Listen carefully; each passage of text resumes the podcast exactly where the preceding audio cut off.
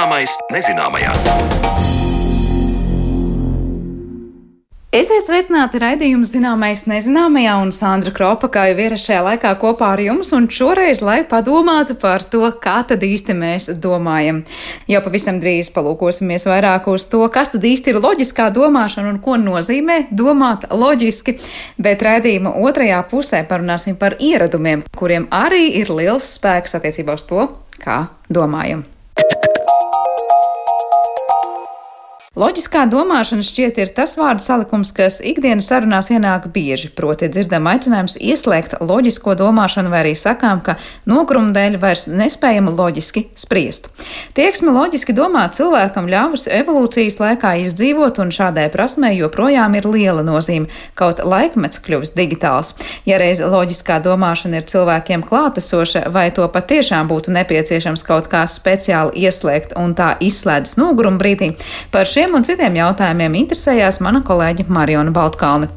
Loģiskā spriedzspēja pārādz to, ka cilvēks veido nepretrunīgu un um, secīgu uh, domāšanas struktūru. Uh, un loģiskās domāšanas īpatnība varbūt nav tik daudz saturiska. Uh, runa ir par domāšanas procesa struktūru. Teiksim, ja cilvēks domā secīgi, ja viņš domā nepretrunīgi, un ja viņš izdara secinājumus balstoties kaut kādos lielākos nu, pamatu pieņēmumos, tādā gadījumā viņa domāšana var tikt uzskatīta par loģisku. Tā stāsta Latvijas Universitātes datorikas fakultātes profesors, uztveres un kognitīvo sistēmu laboratorijas vadītājs Jurģis Šilters.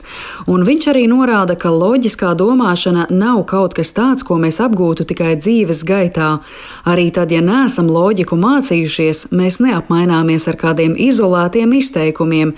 Mēs izsakām spriedumu un pamatojam, kāpēc tas ir tā, un šis process ir loģisks. Tā tad ir galvenais apsvērums jeb premisa, no kura izdarām gala spriedumu, bet, protams, dzīvē tas nevienmēr tā notiek. Mēs domājam, kā komunicē pavisam mazi bērni ar, ar, ar vecākiem. Nu, piemēram, iedomāsimies situāciju, ka piemēram, bērns saka, nu, es gribu saldējumu vai šokolādi. Māma saka, es nedrīkst saldējumu, tas ir sāp kakls. Un atbildes, ka nu, es gribu šokolādi. Un, eh, no loģikas viedokļa izdarīts pilnīgi sakarīgs, loģiski pamatots slēdziens. Nu, protams, ka tas bērns nav apgūlis loģiku.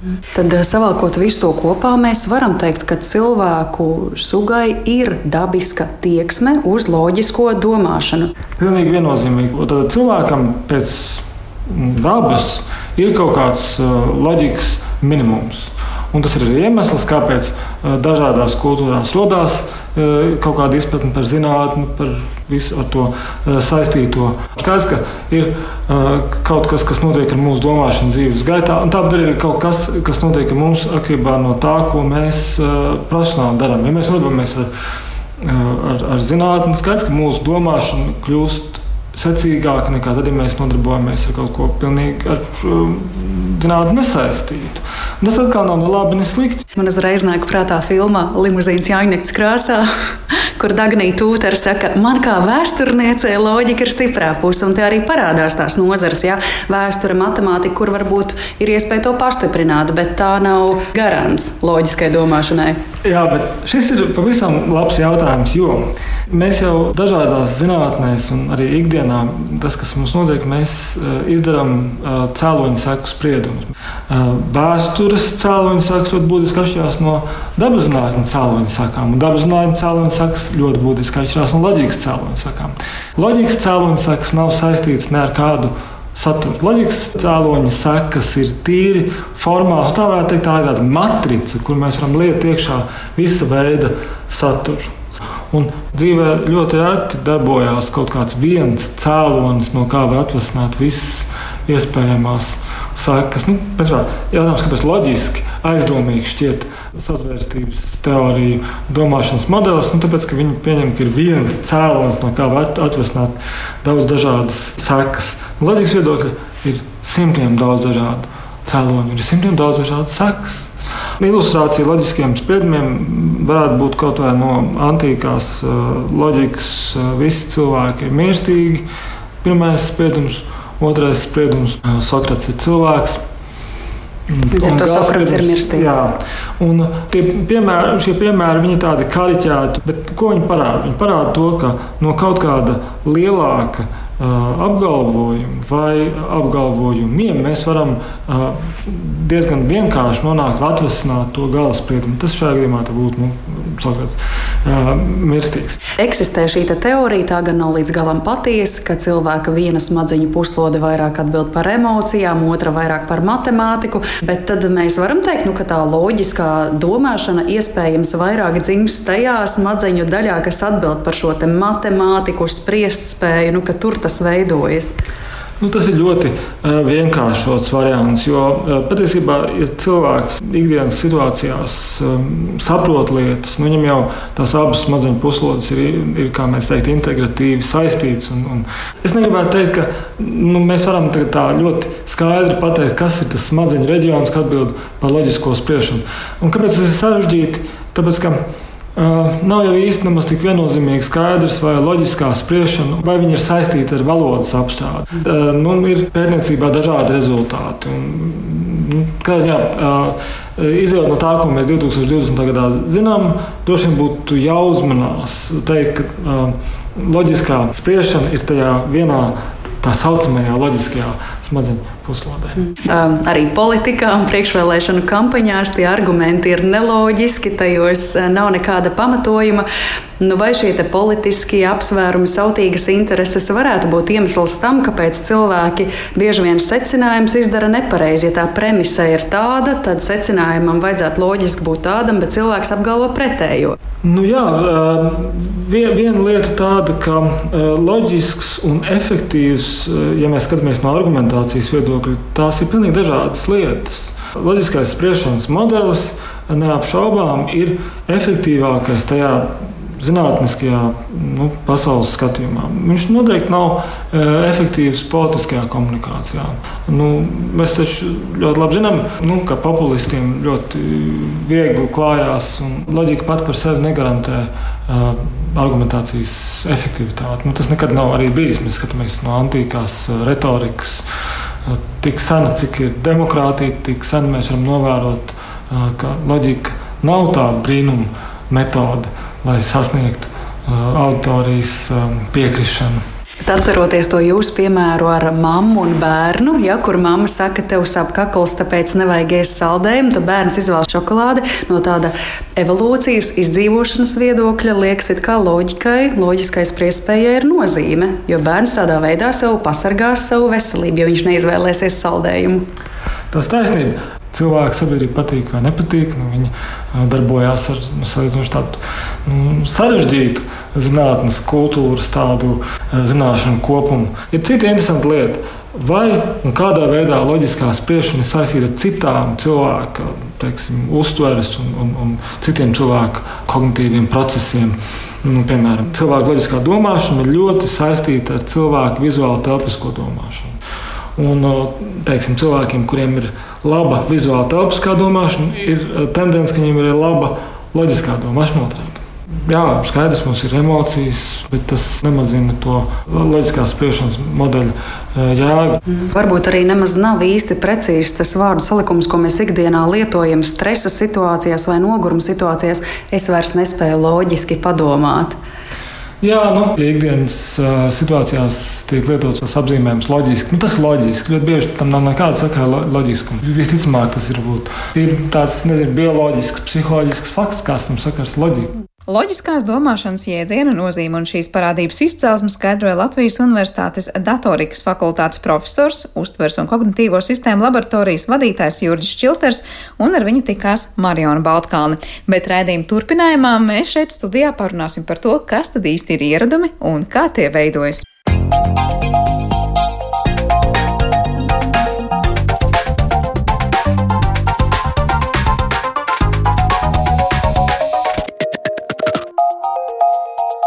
Zināmais nezināmajā. Lai arī laiku pa laikam katrs no mums gan jau ka pieķer sev pie domas, ka dzīvē būtu jāmaina savi ieradumi, tiem tomēr mūsu ikdienā ir īpaša vieta. Ja tā padomā, tad cik gan darbību mēs neveicam automātiski, pat nepiedomājot, vienalga vai tā būtu teikāns ieslēgšana no rīta, apavu uzvilkšana vai vēl kas tam līdzīgs. Ieradumiem ir milzīgs spēks un loma, atslogojot smadzenes no liekas informācijas apstrādes un tieši pateicoties ieradumiem. Teikāns uzlikšana neprasa mūsu smadzenēm milzu piepūli par to, kā un kāpēc veidojas ieradumi un kāpēc kāpēc daži no tiem kļūst par daļu no mūsu ikdienas viegli un nemanām, bet daļa prasa īpašu piepūli, mēs parunāsim raidījuma atlikušajā daļā. Mūsu studijā tāpēc esam aicinājuši psihoterapeitu un Rīgas Stradiņu Universitātes psihosomatiskās medicīnas un psihi psihoterapijas katedras docentu Arturu Rutinānu. Labdien! Labdien! Nu, cik lielā mērā mūsu dzīvi un domāšanu vada ieradumi? Var teikt, ka tā ir tāda uz katra gandrīz stoļa klātesoša lieta, par kuru mēs pat neaizdomājamies.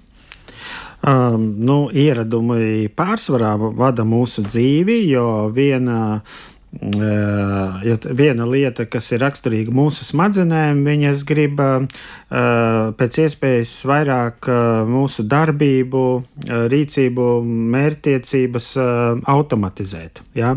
Tas notiek tāpēc, lai vajadzētu atslēgt apziņas, teiksim, tādas pašapziņotības funkciju. Ja? Jo mūsu apziņa var operēt tikai ar vienu uh, tēmu. Teiksim, ja apziņa nav, uh, kā to tagad saka, multitasking, ja daudz uzdevumu, tad ne sievietēm, ne vīriešiem uh, šī iemesla dēļ, piemēram, mēs nevaram runāt pa telefonu un braukt ar automašīnu, ja, vai. Uh, Vienlīdz labi, ja. Jā, jā um, respektīvi, mēs varam braukt ar automašīnu automātiski, jā, jo mums ir ieradumi, teiksim, tur pārslēgt ātrumus un tā. Eh, bet tikko mainās situācija, parādās kaut kāda sarežģītību ceļa, un, bet mēs tur runājam par telefonu vai esam kaut kur vēl domās, eh, teiksim, citur, eh, tad uzreiz var rasties problēmas. Ja? Uh, un tad ir, tad ir jāpieslēdz tā apziņotība, ja? un līdz ar to paiet drusku, drusku laiks, lai es atslēdzos no tā iepriekšējā, piemēram, telefona sarunas vai kaut kādām dziļām pārdomām uz to, kas notiek priekšā šeit un tagad uh, uz ielas. Uh, un tāpēc tur uh, tiek iztērētas dārgās uh, sekundes simtaļas. Ja? Uh, bet citādi, uh, visur, kur uh, nu, teiksim, tas nav vajadzīgs, ja, tātad tā saucamais um, daudz uzdevumu, jeb multitasking rīcība ir mūsu ieraduma automātismiem, jeb, jeb smadzeņu automātismiem. Uh, un, uh, piemēram, ieradu, mēs dejojam, jā, pēc ieraduma, mēs nepiedomājam, jā, nu, ja es gribu mainīt kaut ko savā dejošanas stilā, un uh, deju skolotājs saka, ka lūk, tur es tās kustības daru nepareizi, tad eh, tādā gadījumā man jāpieslēdz ir apziņa. Ja? Un, un tādā brīdī, kad es pieslēdzu apziņu un gribu izdarīt um, kaut kādu dēļu kustību pareizāk, es, piemēram, tādā brīdī nevaru izrēķināt, cik ir 16 reizes 17. Ja? Jo es rēķināšu 16 reizes 17, man atkal smadzenes pāries eh, nu, dejošanā automātiskajā režīmā. Ja? Vai, piemēram, tas attiecās uz jebkuru sporta veidu, vai tas attiecās, jā, piemēram, kaut vai uz to pašu zobu mazgāšanu, mēs varam mazgāt zobus un, un domāt par kaut ko citu. Ja? Uh, lai arī tagad uh, apziņotības treneri māca, ka ka vajag būt kontaktā ar šeit un tagad. Jā, un, un, ja mēs mazgājam zobus, tad jādomā tikai par to, ka mēs mazgājam zobus. Ja mēs braucam ar automašīnu, tikai par to, ka mēs braucam ar automašīnu un kontaktā ar realitāti. Uh, un, uh, un, ja mēs dejojam, tad, tā, tad mēs domājam par dejošanu. Un, un ja ir seks, tad tikai par seksu, nevis ka nemazgāt trauki stāv virtuvē. Ja? Uh, tā tad tas ir uh, tas tā, tā vienā ziņā. Ja? Tur savienot automātisko ar apziņotību. Bet tām smadzenēm tātad šis tā automātisms ir tas, kas pasargā tiešām no tāda, var teikt, milzīga informācijas visu laiku apstrādes citādāk. Nu, ja mums nebūtu šo automātisko darbību, tas nozīmē, ka kaut vai mans piesauktais piemērs par teikānu uzlikšanu vai apavu uzvilkšanu no rīta. Nu, ja tas būtu tā kā katru reizi mēs to darītu pirmo reizi, tad mūsu smadzenēm tas būtu kā kaut kāds megaprojekts. Nu, pārāk daudz informācijas, jo, jo īstenībā mēs nenovērtējām, cik, da, cik kāds milzīgs daudzums informācijas pienāk kaut vai šeit un tagad. Jā. Visādi kairinātāji no visām pusēm, tur smaržu, tur se, sajūtu, tas ir nu, tādu fizisko sajūtu, tur kā mēs tagad sēžam, ķermeņa pozu, tur audiālie, vizuālie, ja, un, un smadzenes nespētu orientēties. Jā, tur, teiksim, mums ir dažāda tā saucamā uzmanības fokusēšanās smadzenēs, jā, kas iet, piemēram, caur dažādām tādām speciālām struktūrām smadzenē, piemēram, talāms, un tad Mm, un, kas ir arī tāda automātiskā fokusēšanās, un tad nāk klāta smadzeņu garoza, kas ir saistīta ar tādu apzināto fokusēšanos, jā, izvēli, uz ko es gribu izvēlēties.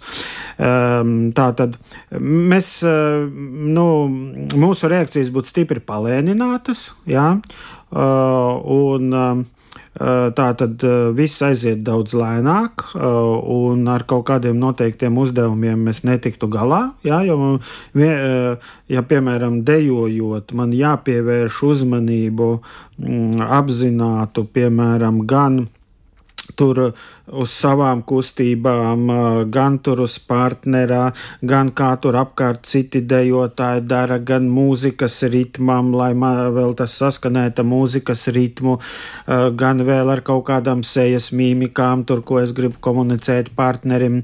Jā, tas ir Uh, nu, varētu teikt, nu, tas būtu pārāk daudz. Jā, tā jā, smadzenes uzkārtos. Smadzenes uzkārtos, un lai tas nenotiek, jā. mums ir patiesībā šādi ieradumi, kas mums pat ir tik neapzināti un nejūtam, ka mēs pat nejūtam tos kā ieradumus. Kā veidojas šādi ieradumi vispār smadzenēm? Var teikt, ka ir kaut kāds tāds schēma vai ceļš, nu tad kam ir jābūt, kas notiek tālāk un kāds ir rezultāts? Jā, smadzenēs ir ner nervu šūnas, kas saucās neironi, viņi savā starpā savieno savienot ar sinaptiskajām saitēm, var sakot, ir vadi, kas saucās aksoni un dendrīti, jā, ievadi un izvads viens, jā, un tad uh, savienojas ar cita um, aksons ar cita neirona dendrītu, un, uh, un tā veidojas ieslidinātie celiņi un neieslidinātie celiņi, jā, un ieradums ir faktiski ieslidinātie celiņi mūsu smadzenēs, un, un līdz ar to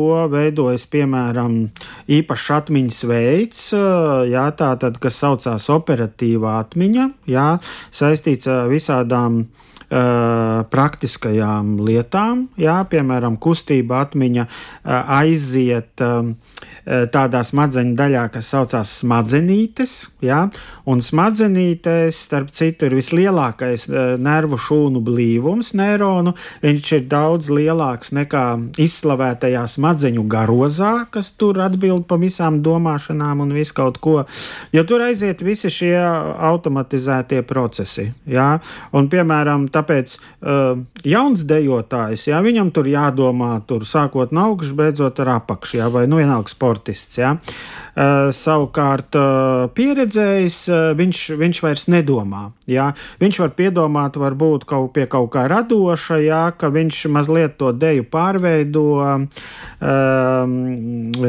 tā sakot, ievied savas, savas tur tās korekcijas, bet tas ir tāpēc, ka viņam viss ir, viss ir šie ceļi ir automātiski darbojās ārpus apziņas. Kas notiek tajā brīdī, kad mums ir jāmaina paradigmas? Šie automātiskie ceļi jau ir. Mēs varam tās smadzenes pārstruktūrēt. Jā, protams, ka mēs varam smadzenes pārstruktūrēt. To, var, to smadzenes dara gan neapzināti, gan apzināti. Jā, un tas saucās smadzeņu elastība, jā, kas tagad ir atklāts, jo apkārtējās vidas iespaidi, ja mums nav tā kā kukaiņiem izteikts ģenētiskais determinisms tāds, jā, ka, nu, Tur, kā nezinu, tā jādzīvo? nu, taurins izšķiļies no savas kūniņas, jā, viņš tur zina uzreiz, kā lidot, tur, kā ēst, kā atšķirt ienaidnieku no seksuālā partnera, kā aplidot viņu, ja viņiem ir vesela rinda aplidošanas rituāli, tur nav tā hops, hops un seks gatavs, jā. Tā kā, bet, bet mums ir, nu, viss kaut kas jāiemācās, jā, un tā ir, tā ir smadzeņa elastība, jā. Elastība ir ne tikai tas, ko mēs iemācāmies, bet tas arī tas, ko mēs aizmirstam vai pārstājam mācīt. Ja? Piemēram, ja mēs kaut kādu ceļu uh, ilgi neizmantojam, viņš tā kā sāk uh, uh, nu, sinaptiskās saites sāk atvienoties, tur pazūd savienojums. Ja? Un tad, ja mēs gribam atkal to iemaņu atjaunot pēc kaut kādiem desmit gadiem, varbūt tas ir maķenīt vieglāk nekā bija pirmo reizi, bet nu tik un tā ir atkal jāpiepūlās. Bet kā ar tiem ieradumiem, nu, piemēram, tā saucamie labi un sliktie ieradumi? Nu, smadzenēm būs pilnīgi vienalga, viņas neatšķirs, vai tas ir labais vai sliktais. Smadzenes neatšķir. Tātad smadzenēm schēma ir kārtībā, ieradums ir, ir kā saka, no, nosēties piemēram, ikdienas dzīves aina, vēlme iet vakaros skriet un liekas, nu ir jāpiepūlās, lai izstrādātu to kā ieradumu, katru tur dienu vai katru Jā. trešo dienu konkrētā laikā vai ne konkrētā iet un doties skriet. Savukārt, apsēsties uz dīvāna, paņemt rokā telefonu un paskatīties un neviļus tur pavadīt 20 minūtes, nu tas ir ieradums, kas, liekas, nevienā brīdī īpaši nebija jāizstrādā. Kas smadzenēs ir tāds, ka pēc to vienu ieradumu ir tik viegli izstrādāt un to otru pagrūtāk? Nu, um, tā tad um, tas arī nenozīmē, ka smadzen, mēs ar smadzenēm piedzimstam kā balta lapa. Mm, jā, kā agrāk uzskatīja, ka gēni cilvēkam nosaka uh, tikai ķermeņa dizainu un iekšēju orgānu funkcijas. Psihe ir kā balta lapa, ko apkārtnē iemāca, tas tā arī ir. Ja? Tātad šī kādreiz dominēja sociālajā zinātnē, šī teorija, tātad mums ir arī ģenētiskās dispozīcijas. Ja?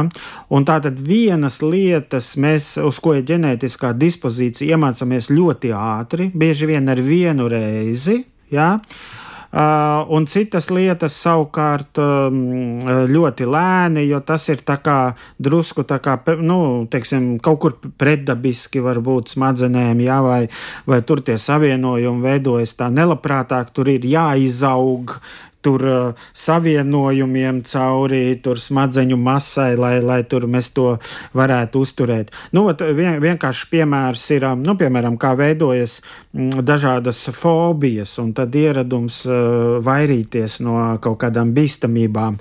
Nu, piemēram, mēs varam atrast veselu kaudzi zirnekļu fobiju. Um, peļu fobiju, žurku fobiju, jā. Um, Un tas ir tāpēc, ka kādreiz evolūcijas laikā nu, tie bija kaut ko bīstami, jā, piemēram, infekcija pārnēsātāji. Jā. Un tie cilvēki, kas vairāk izvairījās no šiem, nu, labāk izdzīvoja nekā nu, tur varbūt kas tā neizvairījās. Um, Savukārt, piemēram, jaunievedumi, un, un līdz ar to mūsdienās var atrast ļoti daudz cilvēku čūsku fobiju, zirnekļu fobiju, peļu fobiju, žurku fobiju. Ja? Bet, piemēram, jaunu kultūras ievedumi, kas ir daudz bīstamāki, ja? uh, piemēram, pistoļu fobija. Vispār uh, manā praksē, nu, nevis vienkārši nu, bailes, ka kāds izvelk pistoli uz jums tēmē, bet nu, fobija ir tad, ka, piemēram, sākas uh, panikas lēkme un, un sirds daudzīšanās, vienkārši ierauga bildīti. Ot, kā tas cilvēks ierauga zirnekļa bildīti, ja? uh, vai čūskas, un viņam jau sāk daudzīties sirds. Ja? Un uh, viņš var skatīties mierīgi tur kaut kādus bojavikus, kur tur pistolēm šaudās un nogalina cilvēks un nekas un ar baudu. Ja? Uh, un, un tur vēl visādas ciešanas emocionālās, kas ir tur tais visādos seriālos, pēc tipa vienkārši Marija vai bagātie arī raudījā, un, un arī nekas, un izsauc negatīvas emocijas, bet, nu, veidojas pilnīga atkarība, jāatnāk no darba, sēdēt un skatīties, piemēram, tos seriālus. Uh, Nu, piemēram, tāpat tās var salīdzināt divas fobijas. Mums, kā mērkaķiem, nu, ir bailes no augstuma, jo nu, mērkaķi lēkā pa zāru, bet var arī garām aizlikt. Ja? Un tad nokrīt zemē un var mērkaķis ar salauzt roku un kāju, un tad viņa leopards noķers vai čūska. Um, Un tāpēc mums ir bailes no augstuma un bailes lidot ar lidmašīnu. Bet nav tādas bailes braukt ar automašīnu. Jā. Bet statistiski daudz lielāka iespēja ir aiziet bojā ar automašīnu. Tad ieradums šajā kontekstā būs tas, ka mēs sāksim vienkārši vairīties no tām vietām, kas jā. mums ar to fobiju saistītas. Mēs labprātāk brauksim ar automašīnu, piemēram, ieradums visu laiku braukt ar automašīnu, nevis iet kājām. Jā, nu, piemēram. Uh, uh, nevis tur. Uh, Jā. Par tiem ieradumiem, tad, kad tie izstrādājas, nu, vai tā ir tiesa, ka smadzenēm vajag sajust, kurš ir tas, kā saka, nu, tas apbalvošanas mehānisms vai gala, ga, gala veidā, nu, piemēram, ja ir Jā. vēlme tagad izstrādāt ieradumu, iet to pašu skriešanu, piesaukt to, to piekopu tikdienā, tad, piemēram, ir jāsaprot, kas organismam pēc tam būs tā balva par to vai tā patīkamā sajūta. Un ja mēs neizstrādāsim to sajūtu, ka mums vajag saņemt organismu to, to apbalvojumu, tad mēs varam piespiest sevi kā gribam skriet, mums kaut kā automātiski tas neaizies. Eh, jā, tieši tā. Eh, nu, um, tā tad um, eh, viena no būtiskākajām smadzeņu funkcijām ir um, nākotnes prognozēšana. Jā. Tas nav nekāds pravietisms un pareģošana, par cik pareģot tā tad nākotni mēs nevaram. Bet smadzenes prognozē nākotni uz pagātnes pieredzes pamata. Nu, tikai tā mēs varam prognozēt. Un, um, un kādas ir prognozēšanas sistēmas? Viena prognozēšanas sistēma ir balvojuma, baudas paredzēšana, par to atbild piemēram dopamīns. Ja? Tā tad, ja es nu, izdarīšu to un to, mani galā sagaida bauda, un tas veido mērķtiecību, ja? un, un tad kaut kādas lietas darīt, vienalga tur ēst, nezinu, iet skriet, tur braukt ceļojumos un tam līdzīgi. Ja? Tā ir dopamīna sistēma. Uh, otra pareģošana ir briesmu pareģošana, pa, nu, prognozēšana. Jā. Tā ir trauksmes sistēma. Jā. Ja es izdarīšu to un to, būs apdraudējums. Jā. Uh, tas savukārt darbojās kā stop signāls. Uh, mūsu nu, teiksim, organismam. Nu, un tad šīs emocijas, jā, baudas paredzēšana vai briesmu paredzēšana ir tādas tā kā zemapziņas SMS, ko atsūta apziņai. Jā, vai nu tā kā brauc, nu, zaļais signāls luksaforā, vai nu tā kā stop, sarkanais signāls luksaforā. Un tā ir oranžais signāls, ka es nesaprotu, piemēram, es saņemu informāciju, tur, vai man priecāties vai bēdāties. Nu, piemēram, izbrīns, pārsteigums. Ja es no sākuma nu, tā vēl smadzenēm jāizprot, kuru signālu ieslēgt. Nu, un parasti jau mm, mēs iemācāmies dzīves laikā, kas mūsu organismam ir derīgs, un to mēs nostiprinām ar šo dopamīnu sistēmu. Uh, savukārt, uh, to, kas ir bīstams, uh, vienalga, fiziski bīstams, sociāli bīstams, piemēram, man var būt trauksme, kad es nomiršu, vai fiziski sāpēs, ja es kaut, ko tur, kaut kur iešu, kaut ko darīšu, vai arī, piemēram, sociālā trauksme, ja es pateikšu muļķību, visi smiesies, un, un tas ir signāls par manas sociālās reputācijas krišanos, vai vainas apziņas trauksme, ja, piemēram, es braukšu ar automašīnu, uzbraukšu kādam virsū, un es nodarīšu cilvēkam kaitējumu. Jā, un, un, un, un cilvēkam var veidoties um, tra, trauksme braukt, piemēram, ar automašīnu vai, vai mācīties jā, šajā gadījumā. Um, Un tā tad tā trauksme būs ne tik daudz cilvēks domā, ka es pats varu aiziet bojā, bet biežāk ir, ka es varu nodarīt kaitējumu citam. Ja? Um, Un arī šajā Jā. brīdī, ja tad ieradumi varētu būt tie, kas jau patiesībā iet pa tām iemītajām taciņām un ļoti bieži pat nedomā, vai es šodien gribu braukt Jā. vai negribu braukt, bet man vadīs tas, ka man ir iekšēji bail no kaut kā.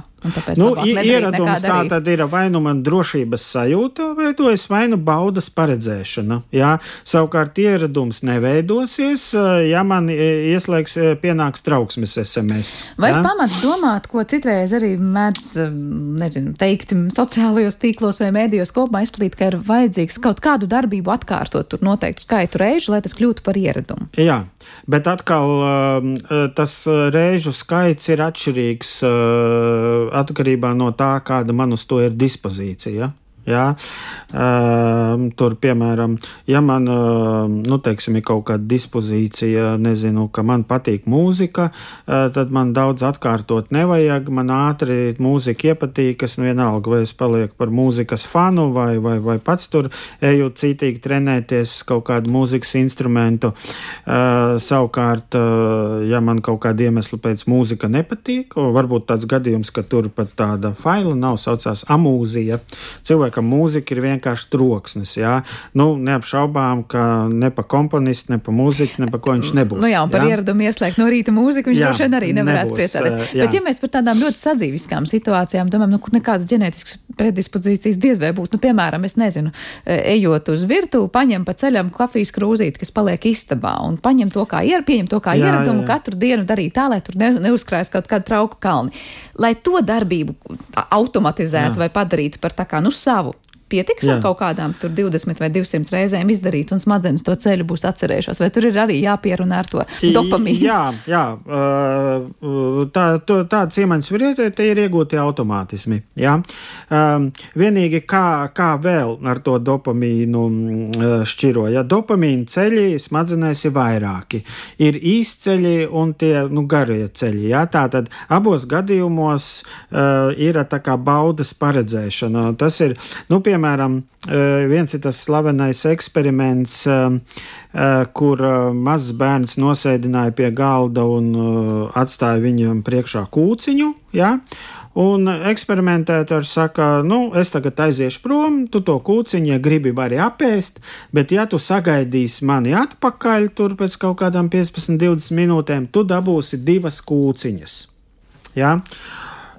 Nu, un tad bērni teiksim, tā sadalījās divās grupās. Vieni sagaidīt nevarēja, to kūciņā pēda, un tas ir tas īsceļš. Ja?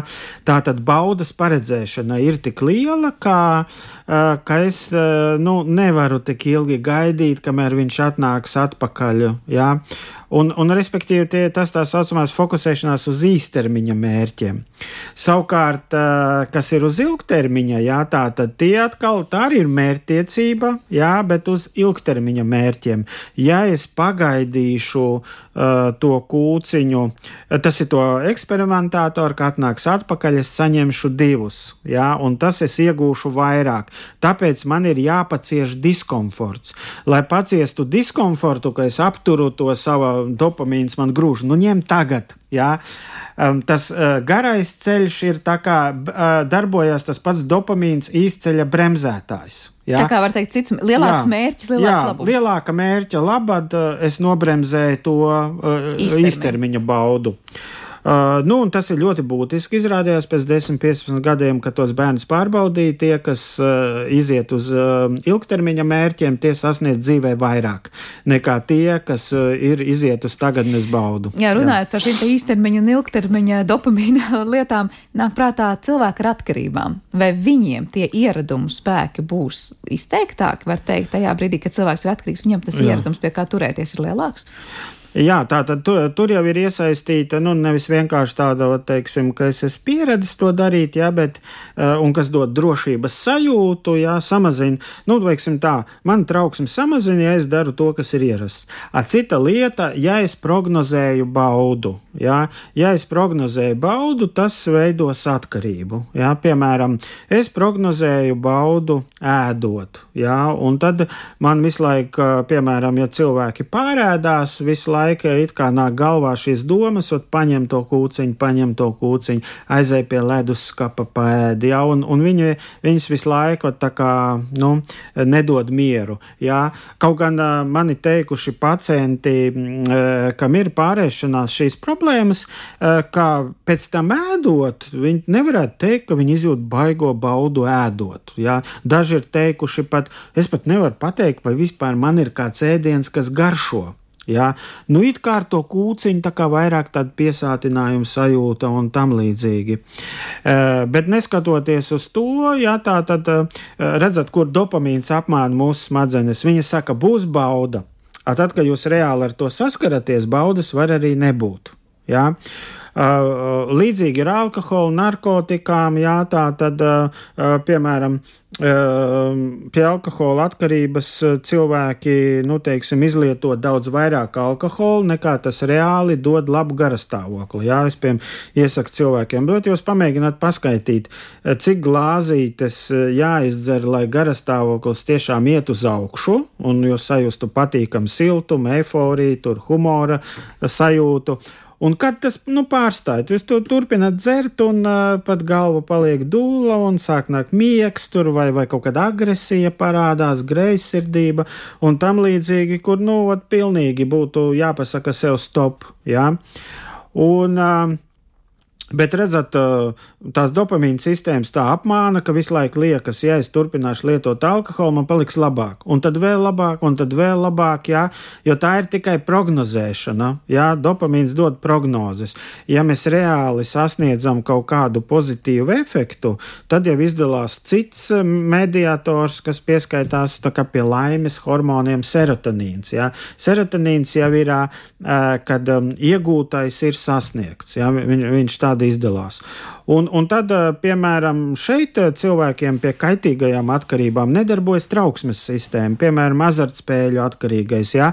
Viņam visu laiku dopamīns iemet uh, galvā SMS, ka es vinnēšu, es vinnēšu, es vienreiz būšu bagāts. Es, es atvinnēšu arī gan visu to, ko es esmu parādā, tur 15,000, gan vēl plus vēl bagāts palikšu. Bet cik jā? interesanti no azartspēļu arī no šīs industrijas ir lasīts, ka, kas notiek to cilvēku smadzenēs, kad viņi ir jau atkarīgi no šīm spēlēm, eh, ka tie, kur ir atkarīgi, viņi drīzāk to gandrīz vinnēto, jau to uzvarēto iztulko kā nevis zaudējumu, bet es gandrīz dabūju. Viņam tas serotonīns, acīm redzot, ir tas, kas saka, spēlē vēl. Savukārt, nē, tie, nē, kuri nav atklāti. À, tajā brīdī dopamīns. Uh, jūs, Bet tie pārējie pateiks, es jā. gandrīz zaudēju, tad, es zaudēju, es eju prom. Un tur jā. ir tā atšķirība starp cilvēkiem, kas paliek tajās spēļu zālēs un kas tomēr aiziet. Jā. Jo viņi izinterpretē gandrīz uzvarēt vai gandrīz zaudēt. Jā, jo redzat, lai izjustu diskomfortu, tur ir dinorfīna un, un citas vielas, kas izdalās arī, kas saistīts ar trauksmi, piemēram, stresa hormonu, kortizols un tam līdzīgi. Jā. Un tad, ja es iegūstu negatīvu pieredzi, ka es esmu izmēģinājis, mēģinājis azartspēles, un es esmu pārsvarā zaudējis, nevis vinnējis. Tam vajadzētu nostiprināties kā negatīvai pieredzei, un nākošais smadzenēm būtu jāizmet SMS nē, nevajag to darīt. A, ja smadzenes kaut kādu iemeslu pēc to neizmet, bet metas tikai visu laiku dopamīns, jā, Eh, tad viņš visu laiku paredz to vinnestu, neskatoties uz to, ka nu, viņi jau izjūt to diskomfortu. Nu, ir parādā, tur parādnieks saka, vajāt. Citus tur kaut kāda jau tur, nezinu, mafija, jā, tur un, un, un, un, un tie, tie piedzinēji, jā, un, un draudi izrēķināties un atlaiž no darbiem. Un smadzenēm vienalga nav stop. Un nav stop, jā. Tas vien parāda, cik ļoti, ļoti interesanti un sarežģīta sistēma ir mūsu smadzenēs, bet vēl ir divi īsi jautājumi jautājumu, ko es noteikti jums vēlētos uzdot, liekot punktu šai sarunai. Vai ir smadzenēs tāda vieta, kur mājo tie paradumu ceļi, vai ir tāda smadzeņu vieta, kas ir atbildīga par to, kur tiem paradumu izstrādājis? Nu, visā uh, veidā, teiksim, nu, nevar teikt, ka tagad ir atmesta tāda tā modulārā ideja, ka tur ir tāds uh, kaut kāds punktiņš vai aplītis, kurā vietā tas, uh, tas paradums mājo. Jo te ir daudzu smadzeņu sistēmu miedarbība. Jā?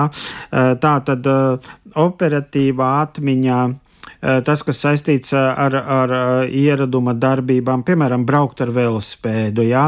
Tātad tas ir saistīts ar smadzenītēm. Tas ir piemēram tās mehāniskās iemaņas.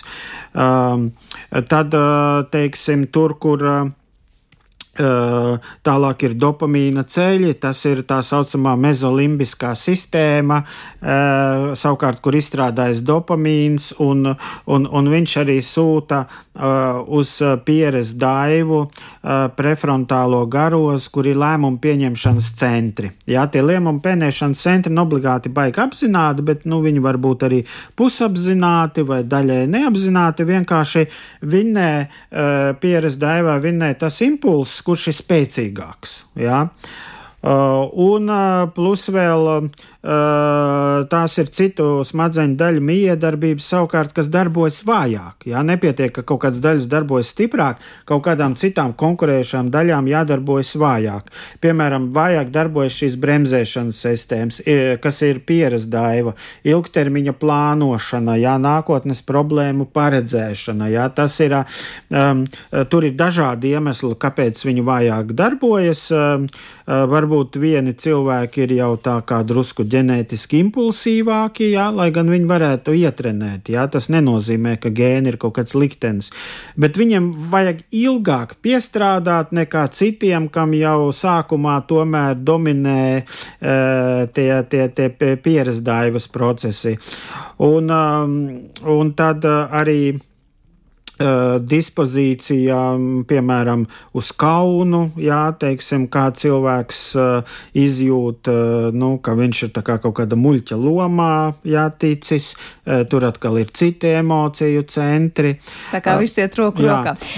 Arī smadzeņu traumas, tas ir tas, kas nomāca pieras daivas aktivitāti. Alkohola darbība pirmām kārtām, alkohols kā tās smadzeņu depresants, nobremzē tieši pieras daivu, ilgtermiņu plānošanu, bremzēšanas ceļus un pret sevi vērsto morāli, jā, kas atbild pa kaunu un vainas apziņu.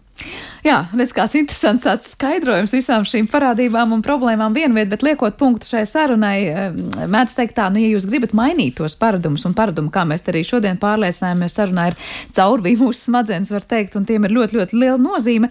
Nevar vienkārši pateikt, es to vairs nedarīšu, vajag jaunu paradumu vienkārši aizvietot. Tad veco precīzāk jāizvieto ar jaunu. Jā. Un, proti, nevis vienkārši jāsaka, es tā vairs nedarīšu, bet jāievieš kaut kas, smadzenes var teikt, jāapmāna ar kaut ko labu, ko es vēlos darīt. Ir tā recepte, kā tad tikt pie labākiem paradumiem, mēģināt vienkārši aizvietot vecos, nevis no tiem atteikties. Tā tad jā, jo šīs motīvu sistēmas vai emocijas konkurē mūsu smadzenēs. Jā, tur, tad, kad viena ir aktivēta, cita tiek nomākta. Nu, mēs varam būt laimīgi, tad depresija tiek nomākta. Ja ir depresija, tad laimes sajūta tiek nomākta. Un, Un līdz ar to tas ir uh, veids, kā jāattīsta konkurējošā sistēma, kur um, nu, man ir tāds salīdzinājums, piemēram, iedomāsimies um, kalnu ziemā, un vienā pusē ir slitkalniņš. Jā? Un jūs pa to slitkalniņu tur uh, pat, uh, nezinu, gribat nobraukt, ļoti viegli nobraukt, un citreiz paslīd kājus, ja negribat braukt, vienalga nošļūcat lejā. Savukārt kalna otrā pusē nekāds slitkalniņa nav. Uh, lai pa turieni šļūkt lejā, nu nekas nesanāk, nu pilnīgs nu, diskomforts. Jā, tāpēc tur ir ilgi jāņemās, lai tur to slitkalniņu iedzītu. Jā. Un tad, ja jūs pa to iepriekšējo slitkalniņu nebrauksiet, iespējams, ka viņš ar laiku aizaugs ciet, paliks grubuļains, un tad vairāk nedarbosies, darbosies tas jaunais slitkalniņš. Bet iespējams ir arī tā, nu, piemēram, kā arī ar alkohola atkarību, ka tas vecais slitkalniņš vienmēr būs slidens. Jā, vienmēr ir apzināti jāpieņem doma, ka es alkoholu nelietošu, bet tieši pa jauno slitkalniņu. Vai, piemēram, kaut kādu iemeslu pēc, man pat nav īsti skaidrojumi pēc, tas ir ar to skriešanu, jā, vai sportošanu. Ka daudziem cilvēkiem kaut Kaut arī viņi atzīst, ka pēc sporta zāles izvingrošanās viņi jūtas labāk, un tiešām tur izdalās tas dopamīns un serotonīns, pat ja es tur kādu vinnēju, jā, serotonīns. E, bet atkal nākamajā reizē saņemties iet uz bordzāvu vai kaut kā tā piespiest. Jā? Un it kā īsti skaidrojuma tam nav, nu, jo vēl jau vairāk, kā zinātnē saka, mēs esam no dzīvnieku pasaules cēlušies, un tā kā visi dzīvnieki ir kustīgi. Ja? Uh, nu, īpaši pērtiķi, jā, uh, tad nu, mums tā kā vajadzētu, tas ir viens no instinktiem, kustēties. Jā. Bet nu, kaut kādā veidā tas nedarbojas. Tur organismā ir arī visādi enerģijas taupīšanas sistēmas, jā, rezervju uzkrāšanas sistēmas, tāpat kā ar ēšanu. Mums ir jāpēda rezervi, kas arī nāk no dispozīcijām, ka kādreiz, nu, teiksim, ir, bija bada laiki, un, un labāk ir, ja tiec pēdienu, paēst rezervi. Jā? Tāpēc dopamīns šādu uzvedību apbalvo. Ar to skriešanu vat, kaut kā tā, nu, nevisai, kaut gan ir pierādīts, pie skriešanas izdalās šis pats dopamīns, tur laimes hormoni tur un tam līdzīgi. Jā. Um, tā kā varbūt atkal jā. Jā, jā, jāvirpina tā doma par tiem ieradumiem, ko mēs domājam, varbūt kaut kādā brīdī mums tā skriešana saistās ar to stop zīmi smadzenēs un nav bijis pietiekoši tas apbalvojums, jā, nu, sajūta, nu, vai vājaga, jā, vai ēdi sazīt, bet, ārā, uh, bet labā lieta laikam ir tāda, ka, ja tie ieradumi mums ir klātesoši, tad mūsu ziņā būtu tikai izvēlēties tos pareizākos, varbūt, un sev patīkamākos, un tos tad arī tālāk attīstīt. Lielu paldies teikšu jums par šo sarunu. Dzirdējām Rīgas Stradiņa Universitātes psihosomatiskās medicīnas un psihoterapijas katedras docentu Artūru Rutinānu. Šodien mūsu raidījuma zināmais nezināmajā studijā ar to arī raidījums ir izskanējis. Paldies jums par klausīšanos un visu labu!